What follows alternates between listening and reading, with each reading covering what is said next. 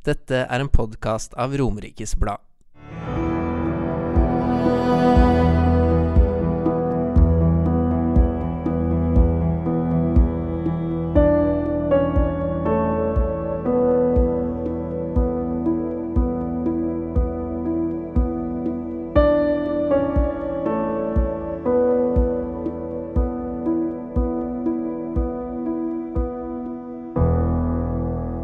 Det som egentlig gjorde alt mye verre, det var at eh, stiftelsen, som jeg, stiftelsen Erkeengler, som jeg oppretta til minne for Michael og Gabriel, det var liksom det jeg holdt fast ved.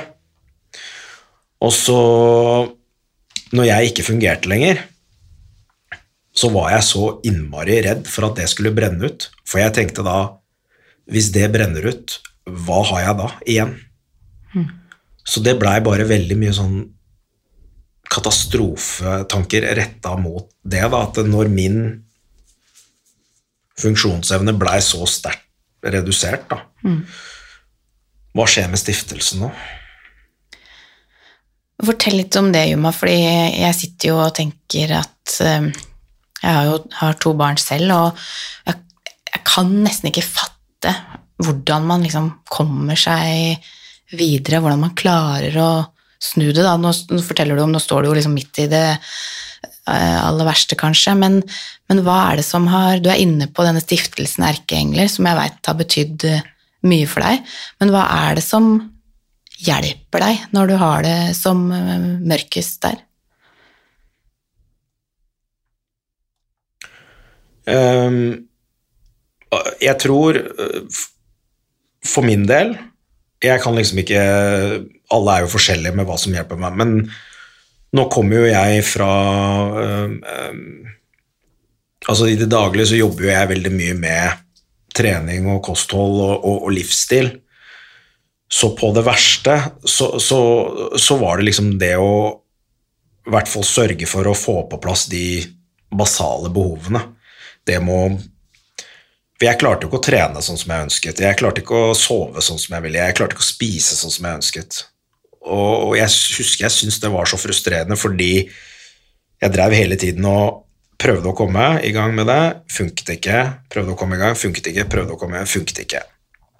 Og da hadde jeg liksom kommet fra en ganske lang periode med en ganske usunn livsstil, fordi jeg brydde meg absolutt ikke om noe som helst som hadde med det å gjøre, eh, i lang tid den første perioden. Men det eneste som egentlig hjalp litt med å komme i gang, Uh, i hvert fall sånn tankemessig, det var jo flere andre ting som måtte inn her og hjelpe meg da, for å komme meg ordentlig på beina, men det, de tingene jeg gjorde da, som jeg følte Ja, det var egentlig å jeg var så innmari redd for når jeg blei sånn, da, at jeg ikke skulle klare å bli meg sjøl igjen. Det var det jeg tenkte. Og så var det først egentlig når jeg sa til meg selv Jeg husker jeg skrev det ned, faktisk. At frykten er liksom for å aldri bli seg selv igjen når man er så dårlig som jeg er nå.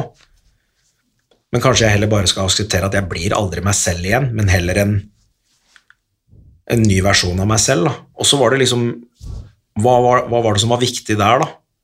Hva var, den, hva, var hva var det som skulle være viktig for meg nå? Hva var det som ikke hadde vært der før, da, som jeg skulle legge fokus på? da? Så Det var den ene tingen, og den andre tingen var det med å akseptere at eh, man går ikke fra å være så langt nede og så dårlig som jeg var, til å Og bare sånn for å sette det i kontekst på hvilket nivå det var. altså Jeg var øh, øh, jeg var på et seks ukers opphold, rett og slett bare for å klare å komme meg opp på beina igjen. Um, og det der med å føle at man stanger hele tiden, det eneste som egentlig gjaldt der, var å senke kravene til seg sjøl. At eh, ja, du har gjort alt dette før, og du har vært liksom så produktiv, og du har liksom klart å mestre alle de tingene, men du er ikke der nå, da. Og det var noe jeg sleit veldig med å akseptere, og de rundt meg var De syntes ikke det var rart i det hele tatt, fordi de rundt meg var mer sånn de, jeg tror de venta egentlig på at det skulle smelle. For det er, sånn, det er ingen som klarer å opprettholde et sånt nivå over så lang tid, sånn som jeg gjorde. Det, det var sånn Når jeg tenker tilbake på det òg, så tenker jeg også Det er noe som på en måte ikke har Nå har jeg alltid hatt mye drivkraft og sånne ting, men det her var bare et ekstra gir jeg følte jeg øh, ikke visste jeg hadde, da. Og så bare krasja det til slutt, da. Men øh, det, det var egentlig mye, mye det med basale behov, fokus på det, gradvis liksom øke kravene, i hvert fall det med søvnhygiene og sove og liksom få på plass det og, og begynne å spise riktig igjen og være ute i naturlig sollys og få litt frisk luft. Det var egentlig alle de tingene der jeg fokuserte mer på før jeg på en måte begynte å gjøre det jeg er mest glad i, som er å trene styrke. Da. Det kom liksom helt til slutt. Ja. Hvordan gjør, man, hvordan gjør du det? Fordi det, liksom, Du sier jo at eh, det var frykten for å ikke bli sånn som man kjente seg selv som. da. At man får liksom en ny start fordi du må, du må akseptere at det kanskje ikke blir sånn. Men liksom, hvor starter man for liksom, Du sier jo disse, disse behovene som man bygger stein for stein. Men du skal jo være der at du aksepterer de facto at man må bygge stein for stein. Liksom, hva, når, hvordan kommer man til den aksepten at man skjønner at man trenger tid? da? Og at alt ikke er en quick fix. Jeg tror, øh, jeg, jeg tror det egentlig bare var øh, at jeg begynte å tenke til meg selv Du har jo prøvd den andre metoden med å bare begynne med alt igjen, og det funker jo, heller, det funker jo ikke. Så la oss prøve en annen strategi nå hvor vi begynner ikke å gjøre endringer med alt. Vi begynner med én ting, og så gjør vi det da, hver dag, hver dag, hver dag. Fordi det bygger jo også opp litt mestring, kan du si, da. Og når du føler at det her går greit, da kan vi begynne å legge inn til, til en ting til. Men det var egentlig den derre Du må gjøre det her, ellers så kommer du aldri til å bli bra nok igjen. Og hvis du ikke blir bra nok igjen, så går det utover stiftelsen. Men klarte du å, mm, å ta imot hjelp, og klarte folk å hjelpe deg på en måte? Jeg tenker jo alltid, altså når folk står i sånne traumer som du sto i, så øh, kan jo folk reagere på veldig mange ulike måter, og noen øh, får kanskje et kjempebehov for å ta kontakt og tilby seg hjelp på alle mulige måter, mens andre trekker seg tilbake, veit ikke, er redd for å si noe feil, redd for å tråkke feil. Uh, du sa, jeg var inne på det i stad, at du hadde familie og gode folk rundt deg, men ja, hva slags opplevelser har du hatt eh, med det? Nei, jeg har jo opplevd egentlig begge deler. De nærmeste, de var alltid der. Stilte alltid opp. Sånn som Ahmed, bestekompisen min, han Han dro jo fra Fredrikstad, hvor han bor, rett til foreldrene mine. Var hos meg hver dag, hver natt de første to ukene. Var med meg alltid når jeg var hos politiet. Han var faktisk den jeg hadde med meg i rettssaken òg. Men det var jo en del andre som trakk seg veldig unna, da. Som jeg egentlig ikke har noen relasjon til i dag, da. Ehm, ikke fordi det er, ikke, det er Egentlig bare fordi det bare blei sånn. Man har ikke hatt kontakt på lenge. Eh, Men jeg tror nok det var mange som syntes det var vanskelig, for de ikke helt visste hva de skulle si, hvordan de skulle være, og redde for å si noe feil. Men jeg opplevde egentlig mer at det kanskje folk gjorde feil, det var å gjøre det så um, Altså Jeg tror det var heller, mer det at det var mye overtenking fra dem enn fordi for, det, Mitt ønske var jo egentlig at ting skulle bare være så normalt som, som overhodet mulig. Men eh, det var nok en del andre som syntes det var vanskelig. Jeg kunne ikke snakke om det, kunne ikke gjøre det, men det var egentlig det som gjorde meg ukomfortabel. Og det var jo også en ting som gjorde at jeg trakk meg veldig mye unna etter hvert. Jeg husker jo at første, første året så ble jeg jo invitert på julefeiring hos noen venner av meg, men det takket jeg nei til. Og det var egentlig mest fordi tankeprosessen min var Kommer det til å bli sånn at nå må dem drive og ta hensyn til meg og ikke gjøre det og ikke si det, og, øh, og så går det på en måte utover feiringa til barna fordi jeg er der og dem skal ta hensyn til meg? Nei, det har jeg ikke lyst til. Så det gadd jeg ikke å være med på. Nei. Og det var jo litt sånn bakgrunn med noen av opplevelsene jeg hadde hatt da, med noen, av de, noen av de rundt meg. Da. Har du hatt eh, noen opplevelser eh, hvor du sånn i ettertid eh, har følt deg ekstra nære Gabriel og Mikael? Ja, i hvert fall sånn helt i starten så så var det noen øh, så var det noen sånne opplevelser.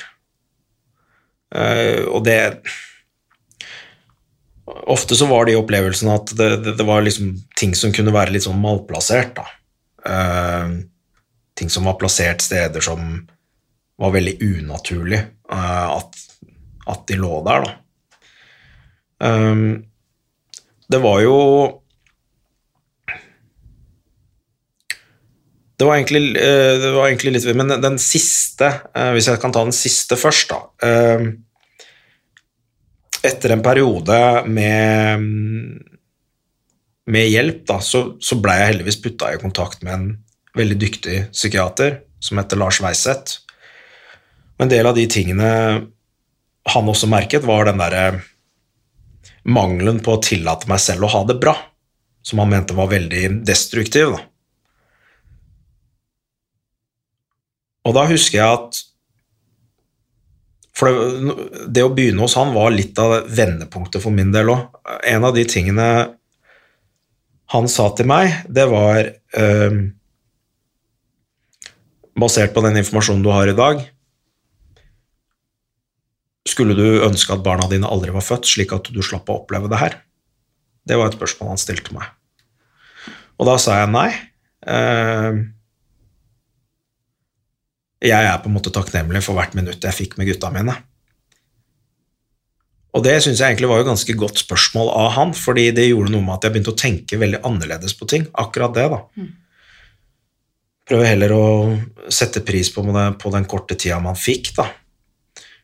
Og så, i forlengelsen av det, så, så var det det med å liksom ikke akseptere eller tillate seg selv å ha det bra.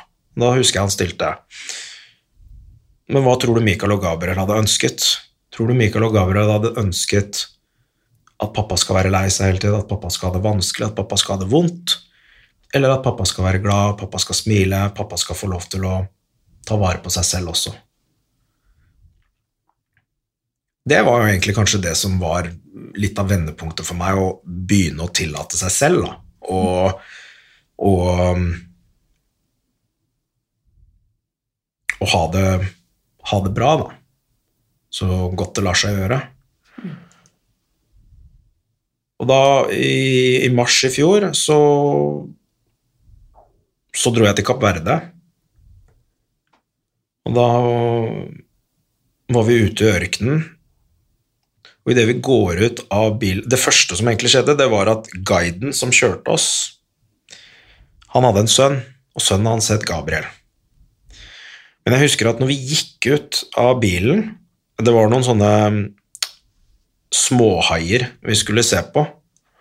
Idet vi går ut av bilen, så merker jeg en sånn duft. Den, når, når jeg stelte Michael og Gabriel, så var det en sånn duft fra hjemlandet mitt som gutta ble smørt med. Og den, den lukta, den Den lukter ikke som noe annet. Så med en gang du lukter det her, så vet du at det er det. Og idet jeg går ut av bilen i ørkenen, så er det liksom Det er ikke noen folk rundt meg. Og så kommer det sånn vindkast, og da lukter jeg den lukta. Og jeg ble helt sånn For jeg begynner jo å se meg rundt. Jeg begynner å se etter tegn, da når jeg, når jeg kjente det her. Mm. Sånn rent psykologisk sett så, så, er det jo sånn luktehallusinasjoner kan jo skje når du har et sånn sterkt ekstremt sterkt ønske om eh, Eller et ekstremt savn, da. Eh, fordi lukt uh, henger jo veldig sammen med, med, minner, da. Så det kan jo være men, men, det er sånne ting som jeg opplevde første gang da, og kommer i ny og ne. Det er ikke noe sånt som kommer ukentlig, men, men, det kommer i det kommer kanskje en gang i halvåret. Og da ble jeg også litt sånn satt ut og begynner å se meg rundt. Men innledningsvis så så husker jeg det var noe som jeg syntes var veldig spesielt. Og det var, det var rundt en to måneder etter at jeg hadde mista Mikael og Gabriel, hvor eh, jeg jobba da på et, et treningssenter på Skedsmo. Um, hadde alltid hatt en fast rutine med å ha PT-timer, og så rundt lunsjtider så satte jeg meg opp i fjerde etasje. Og i dette konferanselokalet i fjerde etasje så, så er det et venteværelse med en bokhylle. Der har jeg sittet I den etasjen her så har jeg sittet daglig nesten i, i flere år. Men jeg har aldri tatt meg tid til å titte noe inn i den bokhylla. Og så husker jeg at Nå ser jo ikke jeg noe som helst på avstand, men det var et eller annet som bare dro meg nærmere den bokhylla den dagen. da. Det var akkurat sånn som en sånn magnet som bare sugde meg bort til, til bokhylla. Jeg, jeg, vet liksom, For det var ingenting jeg kunne se på avstand. Jeg vet ikke, altså, jeg vet ikke hva som gjorde at jeg blei dratt bort dit. Men når jeg kommer bort dit, så, så, så er det én bok som ligger midt i bokhylla, i akkurat min øyenhøyde. Og jeg begynner da å se rundt på øh, alle de andre bøkene, fordi jeg syns den boka var så malplassert. Den var liksom, hadde ingen sammenheng med noen av de andre bøkene som var der. Jeg husker jeg, jeg, jeg syntes det var så spesielt at jeg var faktisk nødt til å dokumentere det med en video, at jeg filma hele bokhylla. Fordi alle andre bøker som lå i den bokhylla, det var fagbøker. Det var noe om urtemedisin og homopati og mye, for det var en del behandlere som jobba oppe i fjerde. Men det var én bok som het Den store engleboken. Hadde ingen sammenheng, fordi det første tanken min Jeg er jo alltid sånn Alt har en naturlig forklaring, så min første tanke var at kanskje det er en av terapeutene som er religiøs, eller Men det var ingen, andre, ingen av de andre bøkene som hadde noe sammenheng med den boka her. Også veldig spesielt å ha en sånn bok på et treningssenter. Så plukker jeg opp denne boka, og på coveret av den boka så er det to engler, to gutteengler, som, som klemmer hverandre. Og så begynner jeg å bla inn, og det, det må ha vært på den andre siden jeg sjekket, for jeg åpna den egentlig midt i, og så leste jeg litt, og så bladde jeg til neste side. Og da sto det en linje hvor det sto Jeg husker ikke ordrett hva det sto, men det sto noe, det sto noe som Noen av englene våre har navn, som eksempel Mikael eller Gabriel. Det var det som faktisk sto. Og det jeg syns var spesielt, det var at på um, Mikael er jo et veldig internasjonalt navn, så i, i, i, mitt hjemland og i min kultur så er jo også det et ganske vanlig navn å bruke. Vi sier jo Mikael, da. Mm. Men uh, vi skriver jo Mikael med K. Det er kanskje litt mer, litt mer, vanlig når man snakker om engelen Mikael, og i hvert fall i Europa, å skrive CH, da. Mm. Men i boka her så sto det også K. Ah. Det syns jeg også var veldig spesielt, da gåsehud nesten. Ja, sånn. Men tenker du da at det er Du sa det jo i stad at du er religiøs, men, men, tenker du at det er Fått på å si dem gutta som skal si deg noe, gi deg et tegn? Jeg velger jo å tro det. Mm. Altså, for meg så er det jo det en Det er jo en trøst. Mm. Er, altså, man kan komme og si man kan komme og si at ja, men det er sikkert ikke det, og sånn, men for meg så tenker jeg sånn Det er ingen som klarer å svare på hva det egentlig er. Men hvis jeg velger å tenke at her er det her, Dette er et, et tegn, da, så gir jo det meg en litt sånn litt sånn roligere følelse mm. på at de faktisk fortsatt er, da, mm. på en måte. Ja. Og det er jo ikke bare du, Juma, som har hatt uh, en sånn opplevelse av uh, nærværet deres, nærmest. da. Uh, det var noen som hadde lekt på lekeplassen òg. Ja, jeg, jeg, fikk bare faktisk det tilsendt på på Instagram-kontoen min. Det var noen som hadde vært på lekeplassen til Mikael og Gabriel og tatt et bilde av himmelen, og rett over Rett over eh, lekeplassen så var det en sky, og den skyen, den, den var eh, akkurat formet som englevinger. Akkurat det samme som logoen til erkeengler òg. Helt lik. Det var også veldig, veldig spesielt. Men dette med tegn og sånn eh, Hvis du går og kjøper deg en eh, Hvis du går og kjøper deg en ny bil Idet du setter deg i den bilen, så blir du også veldig observant på alle andre som har akkurat samme bil som deg i trafikken. Men før du kjøpte den bilen, så la du kanskje ikke merke til det. Så det er også litt sånn jeg prøver å tenke det er, Fordi jeg er jo Jeg er jo jeg er jo annet forsker, så jeg er veldig opptatt av å ha en sånn kritisk tenking og tenke fornuft og tenke logikk og, og alt det der. Men akkurat de episodene her, de er sånn jeg føler er de er liksom vanskelig å forklare. Jeg vet ikke, er kanskje det beste svaret på akkurat det her. Jeg vet ikke hva, hva det her er, men jeg velger ut fra det å trekke denne konklusjonen og forholde meg til det. For det er ingen andre som kan motbevise det på noen som helst måte, sånn sett, da. Åssen er det i dag, eh, eller sånn Håper du når du legger deg om kvelden at du skal drømme om dem, eller at du skal se noen sånne tegn da, som man kan velge å tolke, eller er det Ja, eller er det Ja, hvordan forholder man seg til det? Håper du på en måte å være så nær de som du kan, mest mulig? Ja. Hver dag. Og akkurat det med drømmer, det syns jeg er veldig vanskelig, fordi jeg drømmer Drømmer eh, Altså, man drømmer jo egentlig hele tida, men Jeg har noen drømmer som er liksom sånn Jeg kunne fortalt dem i detalj, fordi de er så klare. Um, men så er det noen ganger jeg Det eneste jeg husker, det er at uh, At jeg har drømt om gutta, men jeg husker ikke hva.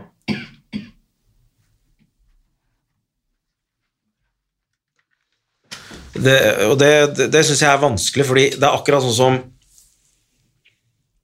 Jeg kan våkne opp, og det første jeg tenker når jeg våkner, er Jeg vet det er en drøm, men jeg våkner opp, og det første jeg tenker, er Å, nå må jeg huske hva jeg drømte. Jeg må huske hva jeg drømte. Så akkurat sånn som drømmen bare blir borte, sånn som, nesten som i kvikksand. Det bare Så er det borte, og så husker jeg ikke. Husker ikke. Det skjer veldig ofte. Veldig, veldig ofte. Uh, og nå har jeg alltid vært sånn Telefonen er alltid Telefonen ligger alltid ved siden av meg, men nå har jeg gjort det til at når det er drømmer, og jeg i hvert fall husker noe, så, så tar jeg frem telefonen, og så bare begynner jeg å skrive hva det er. Og så ser jeg på det dagen etter. For det er, det er også sånne ting som Sånn som behandleren min Lars pleier å si, da, at eh, drømmene er ofte et, eh, et brev fra underbevisstheten din. Så vi snakker jo veldig mye om, om akkurat det med, med, med drømmer, da. Og når du skriver ned det da, er det da for på en måte å bearbeide det, eller er det et liksom slags nærvær med gutta? på en måte? Fordi Jeg har jo også gått hos psykolog, så de også sier at det er liksom drømmene dine er på en måte underbevisstheten din som bearbeider det, og så er det ditt våkne jeg som må håndtere det. på en måte. Ja, det er jo egentlig det. Altså, liksom, er det noe Er det noe tegn her? Hva betyr det her? Mye sånt, da. Dessverre så er jo En del av drømmene er jo samme situasjon, men bare i ulike settinger. Mye av drømmene handler om um, at jeg leter etter gutta. Uh, men det som, det som er litt eh, synd, da, det er jo at uh, det er veldig sjelden jeg har drømmer med begge to samtidig. Det er liksom, det veksler mellom eh, drøm Mikael eller drøm med Gabriel. Da. Jeg hadde senest en drøm nå eh, som jeg husker veldig godt. eh, for to uker siden. Og det var eh, at Gabriel var på sykehuset, eh, og at jeg besøkte Altså, jeg, jeg var der, og så eh, Han hadde vært der ganske lenge. Og så sier jeg til legen men hva, hva er det liksom som skjer, da? De klarte liksom ikke å finne noen behandling for å, for å gjøre han frisk, da. Um, og så husker jeg i drømmen at jeg sier til meg vet du hva, nei, nok er nok, for jeg fikk ikke lov til å være der. Jeg, jeg mener å huske i drømmen at det var noe sånn smittsomt, og han måtte isoleres. Og da husker jeg i drømmen, så, så vet jeg liksom at Mikael, han, han er borte. Det vet jeg også i drømmen, at han er død.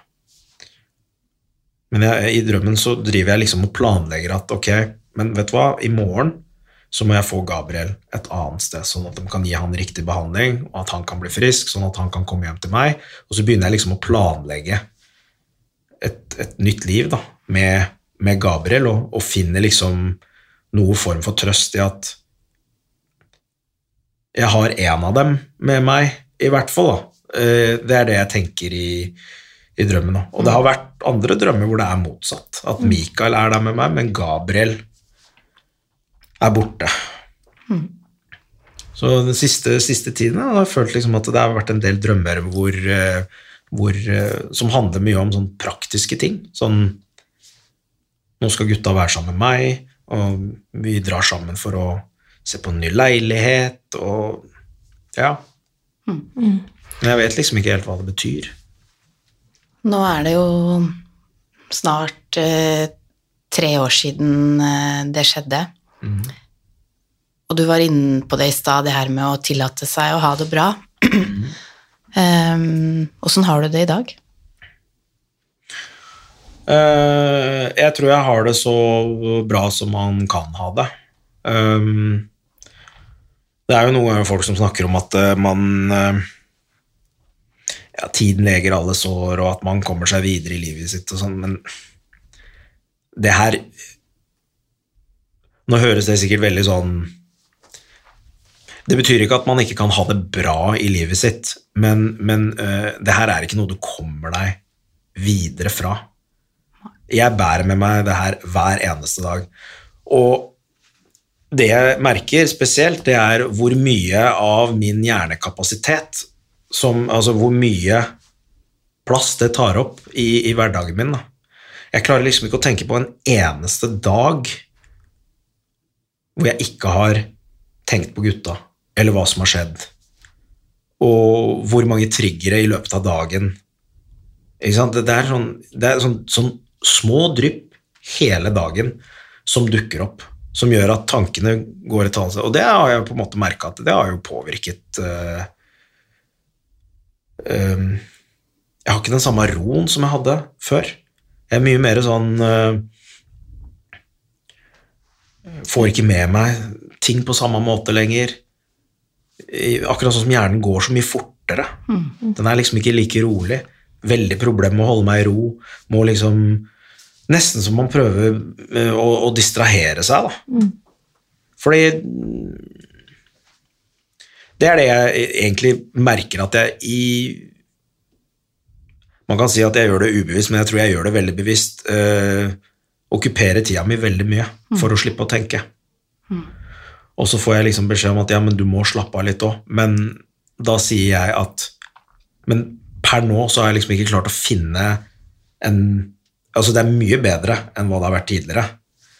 Men fortsatt så syns jeg det er vanskelig å, å slappe av. Uh, for det er gjerne da mye av det her kommer, da. Jeg synes det For jeg har jo hatt en del ubehagelige bilder i hodet, uh, mye flashbacks, og det kommer jo ofte rett før jeg skal legge meg. Når liksom dagen er ferdig, du skal legge deg og slappe av, så kommer det, da. Så mm, Men jeg, jeg føler jo at man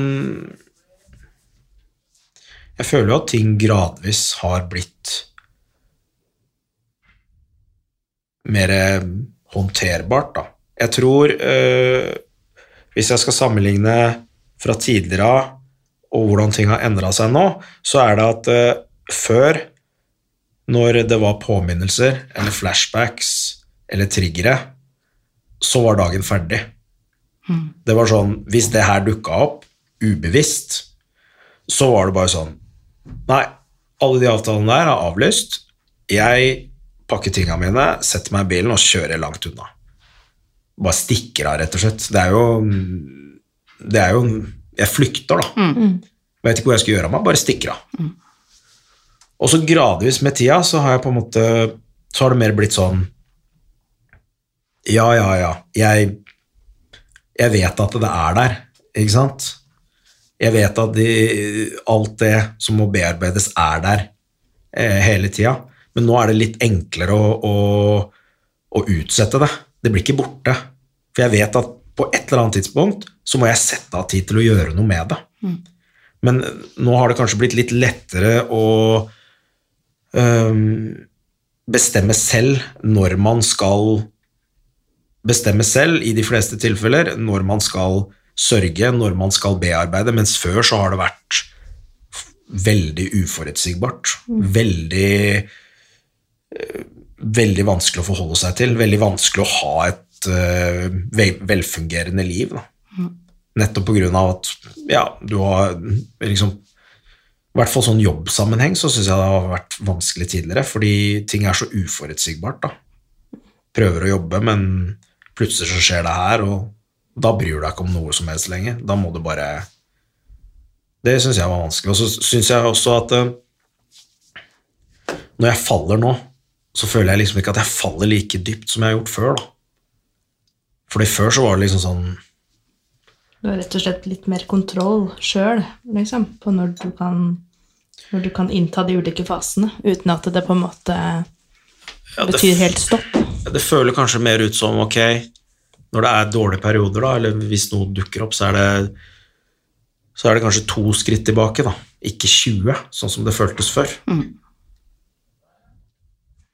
Men det er, det er fortsatt sånn at uh, noe tid og noe fokus må jeg ha på det, og det kommer jeg sikkert til å ha resten av livet.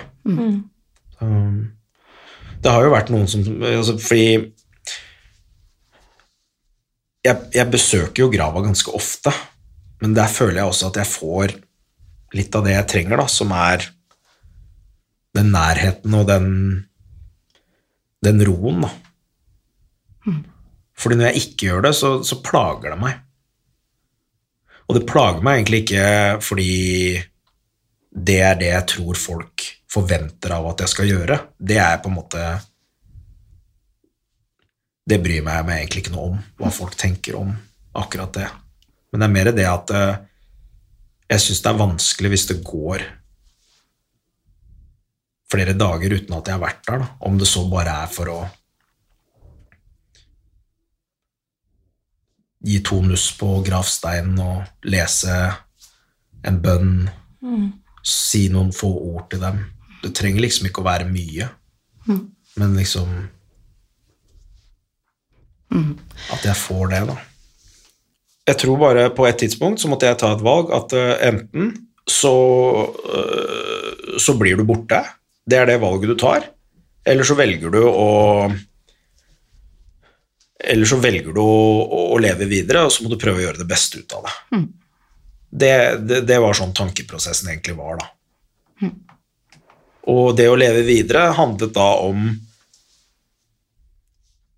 Mye handlet om det med stiftelsen. Fordi for meg så, så, så blir det litt sånn En sånn mager trøst er det der med at eh, At det her skjedde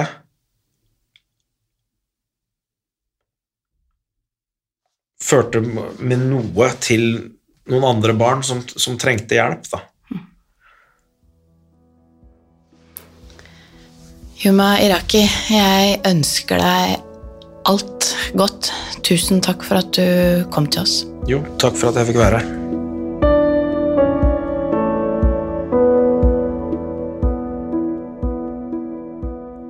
Da Eirik Søreide fikk smake en vin fra 1967, endret hele livet seg. Nå jobber han for en superkjendis. Hele historien får du i neste episode av Et øyeblikk.